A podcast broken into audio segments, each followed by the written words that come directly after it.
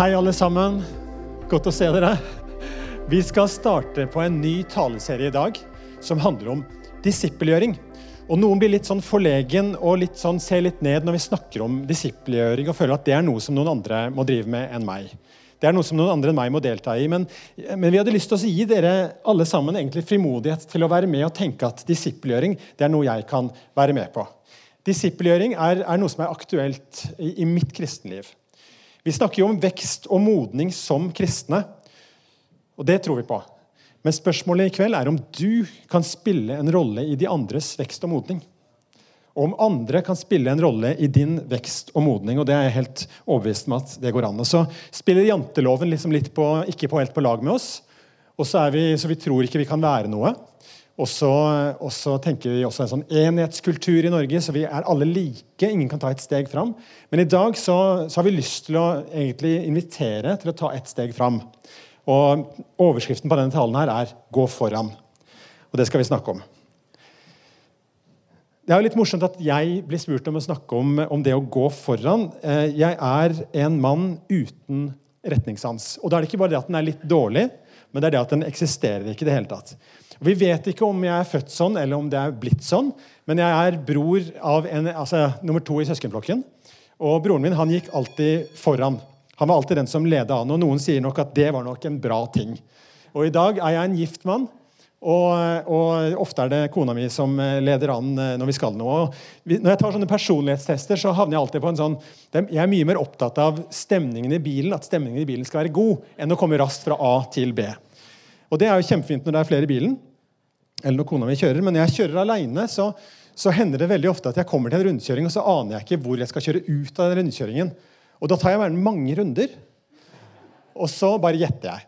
Og det funker eh, ofte dårlig, og ofte går det helt greit. Og jeg har vært med på mange morsomme episoder. Går på langs en, en handlegate i London, og så går jeg inn på et kjøpesenter.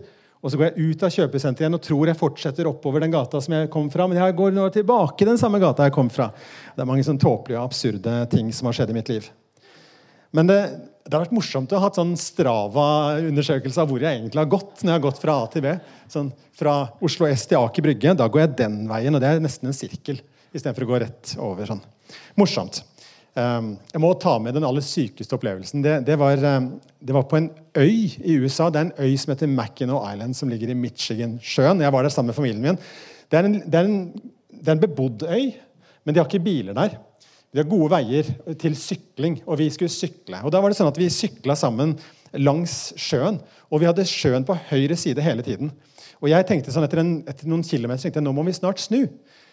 Men det tenkte vi jo ikke, for vi var plutselig tilbake på samme sted. Enda vi sykla med havet på høyre side hele tiden, så var vi plutselig så var jeg på samme sted som da vi starta. Kan du forstå det? Jeg hadde ikke sykla rundt kloden, men vi hadde sykla rundt øya. Det var en veldig rar opplevelse. Når ikke du har retningssans, så får du sånne rare opplevelser i livet. Gå foran skal jeg snakke om i dag. Og Bibelen bruker mange bilder på det å være en kristen. og Et av de er å være på vandring. Og, og det er en fin metafor for, for, det som du er på. Du er på en vandring som starta den dagen du tok imot Jesus som din frelser, eller den dagen du ble døpt. Og så starta du på en vandring som egentlig varer fram til du dør. Eller til Jesus kommer tilbake for å hente deg. Og Den vandringen kan man si veldig mye om, og jeg skal ikke si egentlig veldig mye i dag. Men jeg skal holde fast med noen veldig få ting. Og Den første tingen som egentlig danner litt sånn grunnlag for alt jeg skal si i dag, det er dette her. Du var aldri ment å gå alene. Så du er skapt av den treenige Gud. En Gud som er fellesskap, en Gud som er kjærlighet.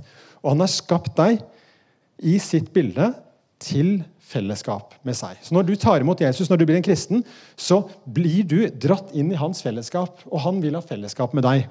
Men ikke bare det, han vil også at du skal ha fellesskap med de andre. Så når du blir født på ny, når du blir en kristen, så blir du en del av en familie. Du var aldri ment å skulle gå alene. Og de, de gangene jeg har gått alene med et eller annet prosjekt, en eller annen, en eller annen sint leserinnlegg jeg har skrevet, eller et eller annet jeg skulle finne på som skulle løse verdens problemer, så har det som regel gått ganske dårlig. Men de gangene hvor jeg har invitert en annen inn, eller en annen har invitert meg inn i et eller annet prosjekt eller eller annen, et eller annet mål, så har det ofte gått veldig, veldig mye bedre.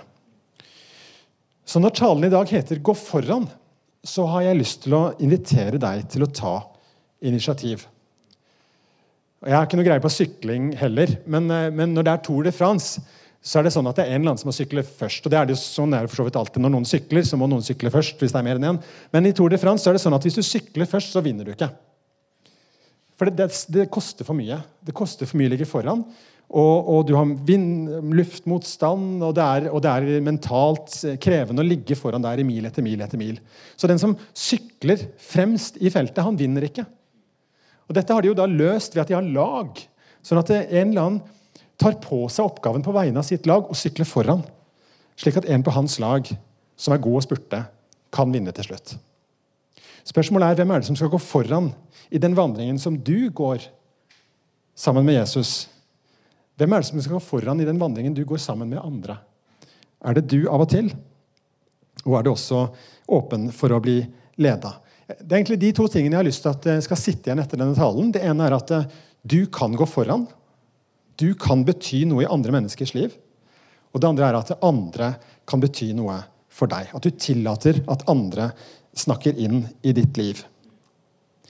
For det er nemlig sånn at Når eh, Guds ords sannhet, sagt i kjærlighet, møter min tilkortkommenhet i ærlighet, i en atmosfære av trygghet og forpliktelse, da kan forvandling skje. Kan du gjenta det til meg? Nei, det kan du ikke, så jeg kan gjenta den setningen sjøl. Hør på dette. Når Guds ords sannhet, sagt i kjærlighet, møter min tilkortkommenhet i ærlighet, i en atmosfære av trygghet og forpliktelse, da kan forvandling skje. Og det er mye mer potensial enn det du har tatt ut i det kristne fellesskapet for en forvandling i ditt liv.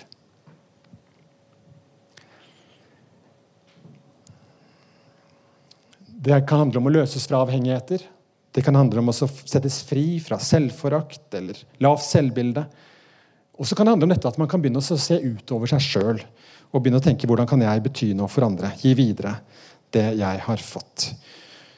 Potensialet er stort. og jeg, har, jeg, har liksom, jeg, tenker at det, En sånn gjeng som sitter foran meg nå, så er det veldig mye som kan skje, kan skje i det nærmeste året. Og Noen tenker ja, det er jo kjempefint. Og, og, Det er derfor jeg er her, for å høre en knallgod tale av deg, Tor Erling. Og Da kan det hende at du blir litt sånn skuffa. For jeg har mindre tro på den talen jeg skal holde, og talene som holdes, enn jeg har tro på det som skjer i de små samtalene. Det hadde vært fantastisk å ha en gnistrende tale som, som det går liksom gjetord om, og bli en berømt taler som bare var sånn sinnssykt artikulert og hadde så sinnssykt bra poenger og bare naila talen. Det hadde vært så sinnssykt gøy å liksom vært en sånn supertaler, men det er ikke sikkert det hadde hjulpet deg nå.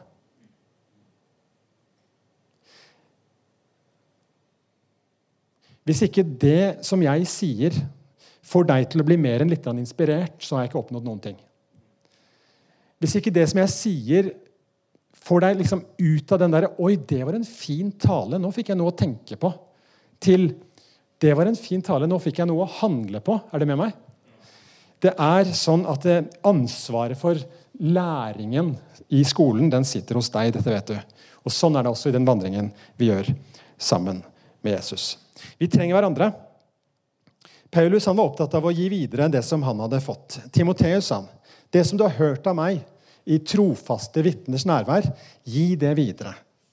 Ikke, ikke bare gi det videre til hvem som helst, men gi det videre til folk som er trofaste mennesker, som også er i stand til å lære andre. Og så er plutselig fire generasjoner i det lille verset der. Og Paulus sjøl mente at han hadde mye å lære. Han sier i Filippebrevet 3, 13-14.: Jeg tror ikke om meg selv at jeg har grepet det, men én ting gjør jeg. Jeg glemmer det som ligger bak, og strekker meg etter det som er foran, og jager fram mot målet, mot den seiersprisen som Gud fra det høye har kalt oss til i Kristus Jesus. Til og med Paulus, altså, den store Paulus som hadde skjønt så mye, han sier jeg mener ikke om meg selv at jeg har grepet det, men jeg strekker meg etter det. Jeg er i prosess. Jeg vil lære mer. Og så velger Jesus et ord om det å være kristen som ikke er eh, kristen, som ikke er konvertitt eller noe annet fint, um, men det er disippel. Og det er jo egentlig det samme som lærling. sant? Elev. Derfor er du og jeg elever. Og I misjonsbefalingen så sier han gå ut i all verden og gjør alle folkeslag til mine disipler. Mine disipler. Så alle de som vi skal nå med evangeliet, de skal bli disipler av Jesus. Lærlinger. Sånne som lærer. Og ikke bare det, men han sier også og dere skal lære dem å holde alt det jeg har befalt dere. Altså en lærebefaling. Kanskje like mye som en misjonsbefaling eller en disippelbefaling, kanskje. Og hva slags lærdom er det det er snakk om her? Man kan kanskje tenke litt sånn at dette handler om bibelkunnskap, eller å vite rekkefølgen på kongene i Det gamle testamentet, eller å kunne være best i klassen på å kunne si bibelhenvisninger raskt, eller, eller noe sånt som det. Det, Vi skal ikke forakte bibelkunnskap, vi skal ikke forakte kunnskap generelt. Men jeg tenker, og jeg liker å utfordre litt på dette og si at det kanskje handler ikke så mye om kognitiv kunnskap. Kanskje handler ikke mye, så mye om teori som det handler om praksiser. Som det handler om ferdigheter. Som det handler om noe som, som, du, som har modna seg fram i deg, og som du kan gi videre til andre. Jeg eh, skal nevne noen ord som begynner på B nå. F.eks. bønn. Det handler absolutt om en ferdighet, om en livserfaring, om noe som vi har en, en, relasjon til, noe vi har et forhold til. Og som vi kan gi videre til andre. Og Jeg for min del tenker jo at, at bønn er et fantastisk verktøy i mitt liv. Fantastisk ting som kan bringe meg nærmere Gud, og som kan, kan til og med påvirke hvordan andre mennesker har det. Det er jo et utrolig middel som jeg bruker altfor sjelden. Og jeg trenger å lære av andre kristne hvordan de ber. Så det er liksom å ta initiativ til å si hvordan er det du ber? Kan du lære meg noe på dette området med bønn? Og Én ting er liksom antall minutter å få en rytme på det, og antall timer og måter å be på, og sånn, men, men, hva med at bønn også er, et, er en toveiskommunikasjon med Gud? Dette med at, at, Gud kan tale til oss, dette å lytte til Guds stemme. Det er jo noe helt annet å gå inn i en, et prosjekt eller gå inn i noe fordi at man vet at dette har Gud kalt meg til å gjøre. Jeg er i Guds ledelse nå. Jeg går inn i dette med en enormt stor trygghet og forventning. For dette har jo Gud sagt at vi skal. Så det der å lære seg å lytte til Gud som en del av, som en praksis Noen av dere er gode på det, noen av dere er bedre på det enn andre. Strekk dere ut mot de. Spør kan du lære meg noe om det. Kan vi snakke om det? Kan du hjelpe meg? Så er det en annen B, og det er jo selvfølgelig Bibel.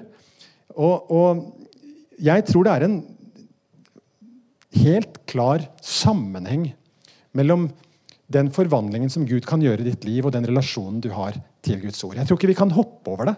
Jeg tror ikke liksom det fins noen annen metode eller, eller middel til å komme, komme, nær Gud enn å komme nær Gud sånn som han har talt til oss i sitt ord. Så det å få gode vaner for bibellesning, og det å få gode vaner sammen for bibellesning, det er nøkkel. det. Og Her trenger jeg å lære av noen, og jeg trenger å strekke meg etter noen og si hvordan er det du gjør det der med bibellesning. Jeg syns det er tungt, jeg synes det det er, tørt. Hvordan kan jeg lære av deg å lese på en, på en, måte som gir meg liv, og som ikke bare blir tørt for meg? Ikke sant?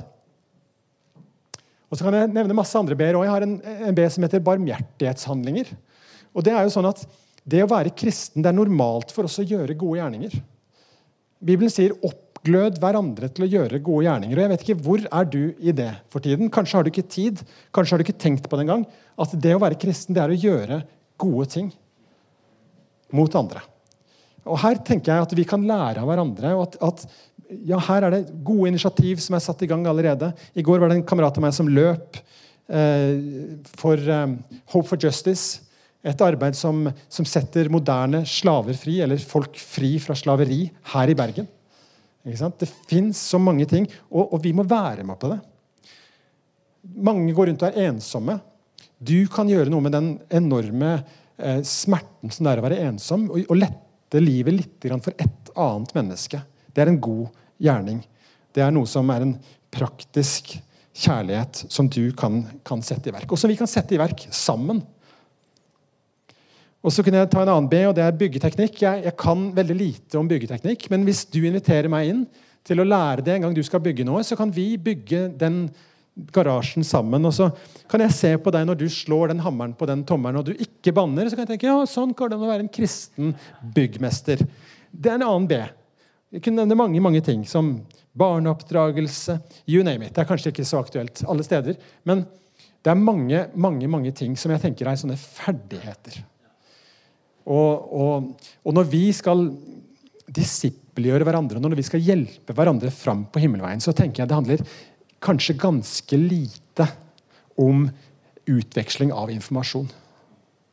Kanskje er det ikke mer informasjon vi trenger, kanskje er det ikke mer teori vi trenger, kanskje er det ikke mer hodekunnskap vi trenger, men at noen eh, har gått et veistykke foran oss på et eller annet område, og at jeg kan få strekke meg mot det å lære det. Så, så her er det masse, og vi har, ikke, vi har ikke tid til å gå inn på disse tingene i detalj, men selve saken, at du kan bety noe for andre. Noe enormt mye for andre på ulike områder, og andre kan få bety noe for deg. Og så kan selve vandringen gå raskt eller sakte. Det kan være rusletempo eller det kan være rushtempo. Men det viktigste er hvilken retning du har. Det sier jeg som ikke har retningssans. Jeg har vært med på mange ganger å gå eh, i feil retning, og da hjelper det altså ikke å speede opp. Da blir det verre. Da må du snu. Så må du gå andre veien. Da funker det. Så hvilken retning du har. For min del så vil jeg ha retning av Jesus. Jesus sier 'kom til meg', og jeg tar ham på ordet. Så jeg vil ha Jesus som min frelser, og så kommer jeg til han med min ærlighet. Og jeg kommer til han med min tilkortkommenhet på så mange områder, og så har han lova å ta imot meg. Og så sier han at han er en frelser for alle områder av mitt liv. Og det er utrolig frigjørende. Stå opp om morgenen, se seg i speilet og vite at Jesus er en frelser for alle områder i mitt liv. Og så vil jeg ha retning av Jesus som herre. Jeg vil komme til Jesus som min herre. Og jeg vil si til Jesus du skal få være herre i mitt liv. Det er det han inviterer meg til. Så Han er min frelser, han er også min herre. og Det betyr at jeg vil være lydig mot han. At jeg vil bøye meg for hans ords sannhet, også når det gjør vondt. Og jeg vil, jeg vil søke hans vilje i mitt liv. Og Så går jeg denne vandringen da i retning mot Jesus, og så snur jeg meg litt til siden og så sier jeg at hei, der er det jo en som er kommet litt i bakleksa. En som jeg kan heie fram. Og som kan si kan ikke du også, skal ikke du også være med meg i retning av Jesus på dette området? Ikke sant? Og så ser jeg den veien, så ser jeg, Der er det en som, er, som, går foran meg på dette området. Og som ser ut som har oppnådd noe eller nådd noe modenhet i det området. Og sier hei, vent på meg, kan jeg få være med deg? For du går jo i retning av Jesus. Kan jeg få lov til å gå sammen med deg et stykke? Gå foran. Sagt med et annet ord det er vær et forbilde. Det sier jeg ofte til mine barn når de skal ut på noe. Vær et forbilde, da, sier jeg. Ja da, pappa. Og Med det så mener jeg ikke bare oppfør deg fint, men jeg, men jeg, mener også vær oppmerksom på at du er sett hele tiden. Altså Vær bevisst på at du er sett hele tiden. Du eh, er Det er noen som ser opp til deg. Det er noen som er yngre enn deg eller rundt deg, som ser opp til deg, og som du kan få bety veldig mye for. Paulus sier til Timoteus, la ingen forakte deg fordi du er ung. Og Det kunne vi erstatte det ordet med veldig mange andre ting. Vi kan si 'la ingen forakte deg fordi du er fra Jæren', f.eks. Eller altså, vi, du kan si mange ting der. Eh, fordi du er fra et annet land, fordi du ikke er så god i norsk. La ingen forakte deg fordi du er høy eller lav eller gammel. Jeg tenker at Vi forakter noen ganger det som er veldig annerledes enn oss. Men ikke la noen forakte deg fordi om du er annerledes enn de andre. Men, sier Paulus til Timoteus, men vær et forbilde for de troende. I ord, i livsførsel, i kjærlighet, i tro og i renhet. Og så trenger vi kanskje noen sånne verktøy som vi kan lene oss mot i dette arbeidet med å hjelpe hverandre og lære hverandre å holde alt det Jesus har befalt oss. I én-til-én-samtaler, Grupper på tre. Kanskje trenger vi en sånn enkel sånn samtalestarter. Noe å lene oss mot. Noen har erfaring, god erfaring med det å ha en mentor som, som går et veistykke sammen med, med, oss over tid. At det er en slags forpliktelse i det. Ja, Vi avtaler når er neste gang. Og sånne ting. Og så tror jeg kanskje at vi trenger å, å børste støv av noen sånn gamle og gode og velprøvde trospraksiser. Og teste ut de sammen. Dette skal vi forske litt mer på og komme tilbake til dere med i tida som kommer. En av mine mentorer døde i vår. Jeg har vært så heldig å ha hatt mange mentorer. Han døde i vår av, av, kreft i en alder av 70 år. Han het Egil Grandhagen og var generalsekretær i Norsk Luthersk Misjonssamband. Han eh, har vært en stor leder på veldig mange måter. Leda en stor organisasjon eh, i en viktig fase. Eh, vært gründer, vært en, en, som mange kan se opp til fordi han er så dyktig som leder. Før han ble pensjonist, og når han var gått av som generalsekretær, så valgte han å flytte til et veldig lite sted der det bodde veldig få kristne. Det, for meg er det et forbilde. Han kunne fort ha gjemt seg i Rogaland eller et annet sted hvor nesten alle tror, men han valgte altså å ta over et småbruk i et, land, eh, i et sted i Norge hvor det bor veldig få andre kristne, og var veldig synlig og tydelig som kristen. Inviterte naboer med på, på jakt, og, og hadde, hadde, høns og hadde et kapell der. Og, og inviterte hjem til, til gudstjenester i det, i det kapellet. Og så fortelles I sommer så var det en sånn en sånn, eh, en sånn intervjusession på Ungdommens landsmøte på UL, hvor, hvor, det sitter to gamle mennesker i sofaen, og da er, da Grandhagen død. Og så sitter disse to gamle menneskene i sofaen, og de to forteller om den dagen de inviterte Grandhagen til å komme på laget i Harstad i Nord-Norge. Og Han ville ikke, og de ga ikke opp. Og han kom til slutt, på trass, og ble en kristen. Og Der sitter disse to gamle menneskene som den gangen for 50 år siden inviterte Grandhagen til tro. Så ikke bare det sitter i den sofaen her, men det sitter også en ung jente i den sofaen der. Som, som bodde på det stedet hvor Grandhagen flytta til. Og Som var en kristen jente som ble kristen i sin konfirmasjonstid, men som ikke hadde kristne foreldre. Og, og Foreldra kom litt til kort, for hun hadde så mange spørsmål om teologi. og sånne ting, Men så hadde de hørt at Egil Grandhagen og kona Solveig var flytta til bygda. Så de tok mot til seg på vegne av henne og spurte kunne vår datter få lov til å få snakke litt med, med dere om teologi.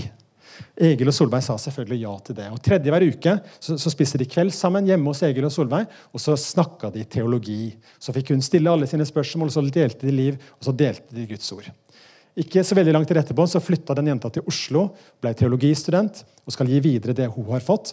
Og foreldrene hennes, som ikke var kristne før, de, har nå tatt over den, de tok nå over den plassen hos Solveig og Egil og var der tredje hver uke og fikk lære Jesus å kjenne gjennom ekteparet Egil og Solveig Grandhagen.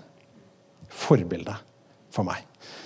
Og Hvis du tenker 'sånn vil jeg være', 'sånn vil jeg bli', så er min oppfordring til deg i dag ikke ta deg sammen og skjerp deg. Og tenk at det skal, det skal jeg klare alene. Men tenk hvem kan hjelpe meg fram? Hvem kan jeg lene meg mot, slik at jeg kan bli en sånn gammel mann som ikke er opptatt av min egen ære eller min egen karriere eller skal gjemme meg noe sted, men som jobber videre og gir videre det jeg har fått, og gjør det som han har forkynt til andre. I ordspråkene 27, 17 så står det 'jern skjerpes ved jern', og 'en mann slipes ved å omgås andre'. Det er et sant ord. Det er det som er så bra med å bli gift for de av dere som blir det. Du blir skjerpa av de andre. Og Sånn kan vi bli skjerpa av hverandre også i en mentorrelasjon eller i en, en annen relasjon som vi inviterer hverandre inn til. Så bruker vi Guds ord, og så er vi ærlige med det som vi kommer til kort på. Og så skjer det i kjærlighet, og så forplikter vi oss på en annen måte å leve på fra nå av, og så lar vi tilgivelsen være den kraften som vi bruker. Jern skjerpes. Vi vil ikke være sløve kristne. Vi vil ikke være uoppmerksomme medmennesker. Vi vil ikke være sånne som glemmer eller har et sløra blikk på hvor fantastisk frelse vi har i Jesus, eller hvor fantastisk verdifulle vi er i hans øyne. Og vi vil ikke være sløve i vårt blikk på de som er utafor. På de som ennå ikke tror, på de som er i nød. Vi vil ha et skjerpa blikk. Så da trenger vi hverandre til å hjelpe hverandre til å ha det skjerpa blikket og det skjerpa øyet for de rundt oss. Amen.